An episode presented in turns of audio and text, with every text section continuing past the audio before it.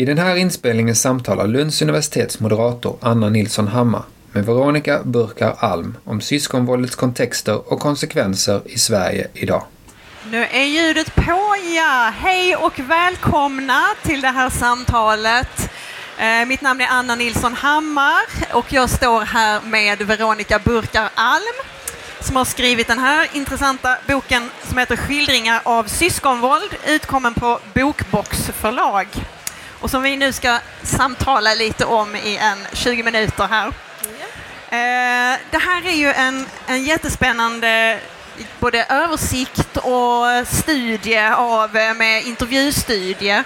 Eh, och jag tänkte jag skulle börja med att fråga dig hur du egentligen kom in på det här ämnet överhuvudtaget. Hur kommer det sig att du började intressera dig för syskonvåld? Mm. Ja, det är egentligen två delar i det skulle jag säga. Det första var egentligen en slump. Jag blev kontaktad av en privatperson som var intresserad av om det fanns någon forskning om barn som bevittnar våld mot syskon. Så det var ett lite annorlunda perspektiv. Men medan jag hjälpte henne att försöka hitta forskning om det här området, vilket ju fanns väldigt, väldigt lite om, eh, så kom jag in lite på studier av eh, syskonvåld, internationella studier och började fundera kring att eh, det finns ju skrivet om syskonvåld i andra länder men jag hade egentligen aldrig hört talas om det överhuvudtaget i Sverige. Så det är den ena delen. Sen har jag i min andra forskning eh, ofta fokuserat på de här brottsoffren som vi ofta inte ser. Jag skrev avhandling om unga män som eh, utsätts för rån och misshandel. En vanlig brottskategori men som vi inte direkt diskuterar så mycket, speciellt inte då.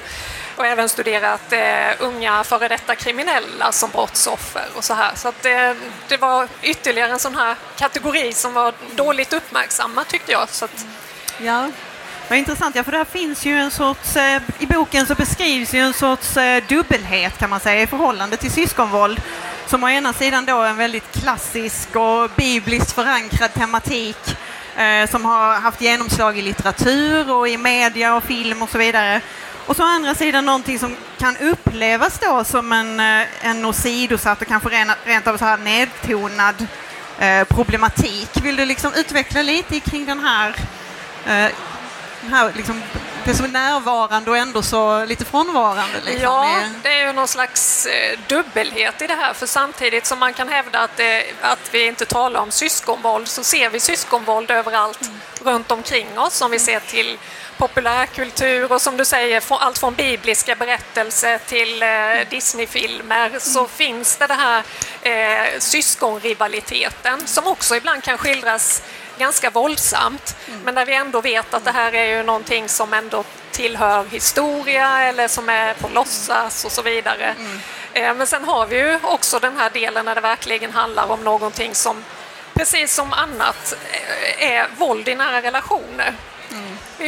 Mm. Att, att sys, ett syskon misshandlar ett annat syskon är också våld i en nära relation, men det ser vi inte så mycket. Vi hör inte så mycket talas om att det skulle vara våld i nära relationer.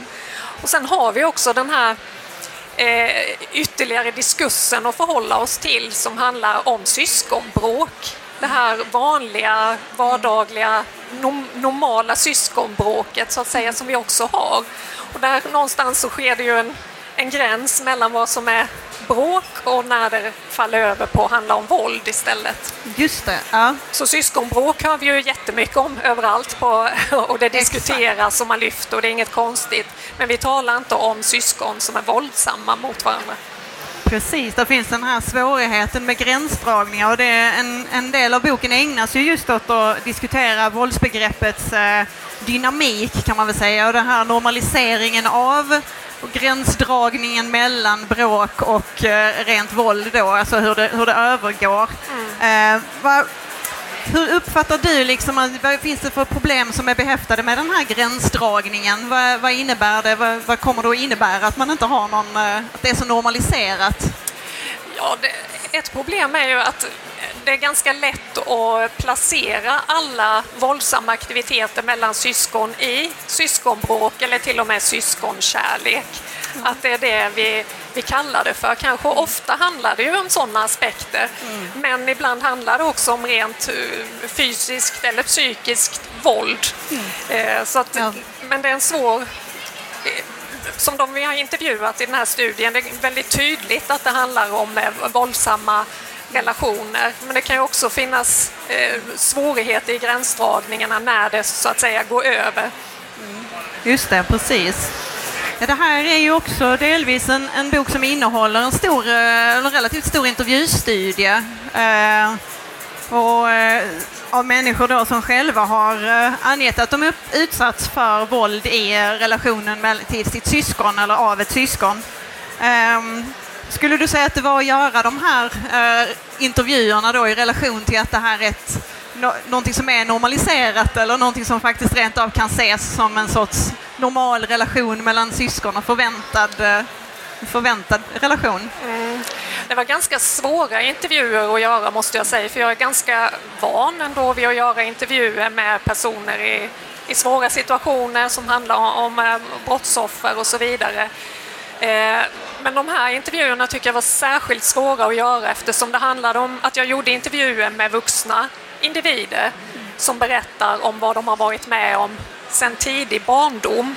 Så att det, på ett sätt var det som att intervjua både den vuxna individen men också det här barnet och som många gånger inte har blivit sedd. De här berättelserna har kanske inte de har inte berättat dem för så många andra eh, innan de har berättat det för mig heller. Så det var väldigt speciellt att förhålla sig till det här. Eh, och, eh, just att de berättade det här att det är väldigt sällan det är någon som har lyssnat på den här typen av berättelse också. En del har ju försökt att berätta eh, men det har ibland då nedtonats eller, och andra har istället tagit väldigt starkt avst- avstånd för att man tycker det är så jobbigt att lyssna på det här att det här är familjen, det är ingenting vi vill höra talas om vad som sker i familjen för det är privat och så vidare. Eh, så det, det var, har varit ganska svårt att göra intervjuerna men eh, ja. Hur har gruppen som du har intervjuat eh, sett ut? Kan du säga något om sammansättningen av dem du har eh, intervjupersonerna? Eh, det är ju framförallt kvinnor. Det handlar om runt 20 personer är det som jag har eh, intervjuat för den här studien och det är bara en man det handlar om här. Och det är inte så att vi har riktat oss på något sätt eh, mot just kvinnor, men det är kvinnor som har hört av sig när vi har mm. Men utöver det så skiljer sig gruppen ganska mycket åt. Det är från den yngsta i 20-årsåldern och den äldsta närmar sig 80, så det är ett ganska brett spann där. Eh, sen har vi inte frågat om så här etnisk tillhörighet och klass och så vidare, men utifrån vad personerna ändå berättar så är det en ganska etnisk homogen svensk bakgrund. Eh, men mer heterogen vad gäller eh, klassbakgrund eller eh, socioekonomisk status. Vad berättar de om? Hur berättar de om sina upplevelser? Eh, Ja, de berättar mycket och de berättar mycket svåra historier, mycket detaljerat så jag också har fått ändra en hel del i boken just för att det kan, eh, eh, av anonymitetsskäl. Eh, mycket om fysiskt våld men kanske framför allt om det psykiska våldet som på något sätt mer har följt med upp i åldrarna också. Det, Det som är gemensamt är att våldet kan ha börjat när de har varit ganska små och då har det mycket handlat om ett fysiskt våld.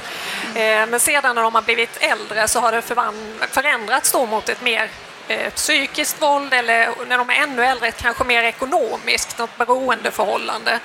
För det här är ju någonting som kanske inte har tagit slut bara för att de är, är äldre utan det är bara att de inte behöver ha kontakt med varandra när de inte längre bor i samma hem.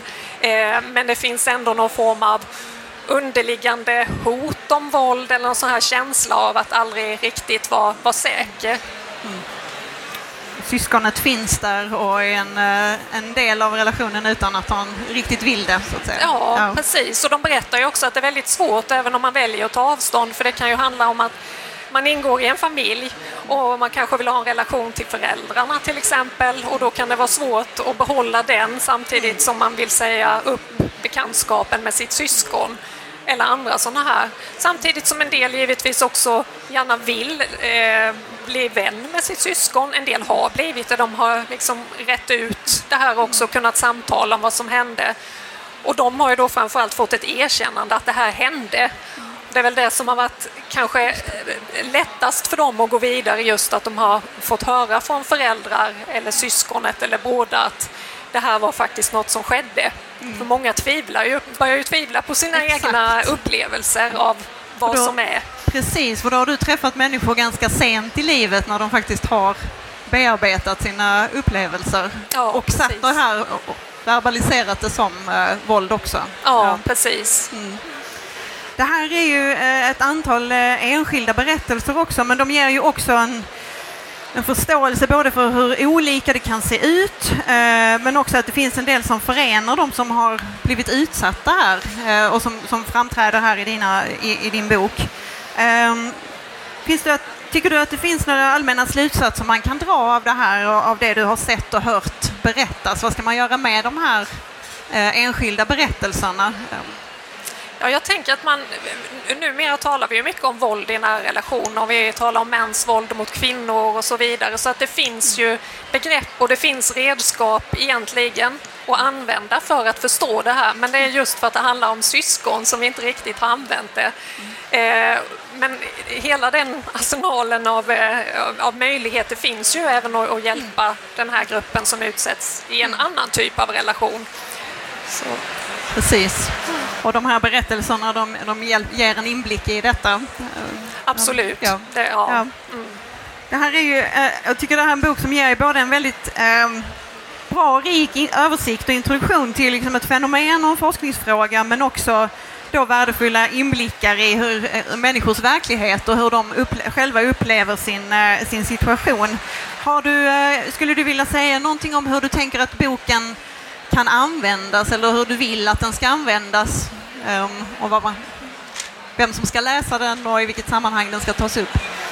Ja, framför allt så tänker jag att att det är viktigt att boken finns. Det är nog eh, framför allt det. Jag kände det var väldigt viktigt att eh, samla de här berättelserna också just som berättelse, att jag återger dem i den bemärkelsen. Det är inte en sociologisk analys eller vidare som jag gör i det här. Det kan jag göra i artiklar och så vidare. Mm. Men att, att samla de här eh, för det var någon jag intervjuade som sa att hon tyckte det skulle bli så skönt att se sin berättelse tillsammans med andra. För då kunde hon också förstå att hon inte var ensam.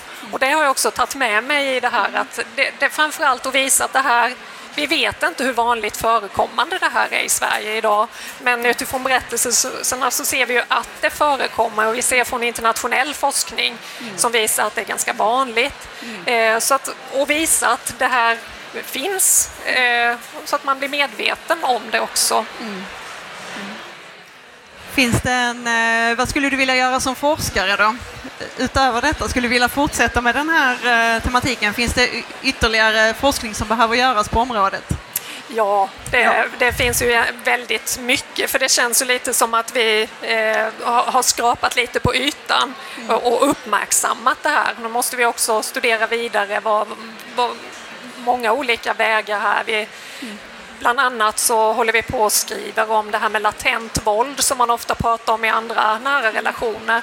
För de här intervjuerna de skriver, pratar väldigt mycket om det här underliggande hotet hela tiden och att leva i ett hem som du som barn omöjligen kan lämna. Alltså som, det, det, är svårt nog i nära vuxna relationer att lämna någon men som, som barn och ungdom kan du inte ens lämna det.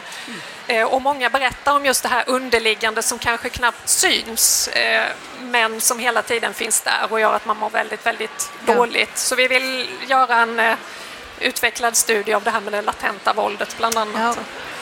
Väldigt spännande. Då skulle jag vilja tacka dig så hemskt mycket för att du kom hit. Tack så mycket. Tack. Tack. Boken finns att titta på här borta och kan beställas via nätet.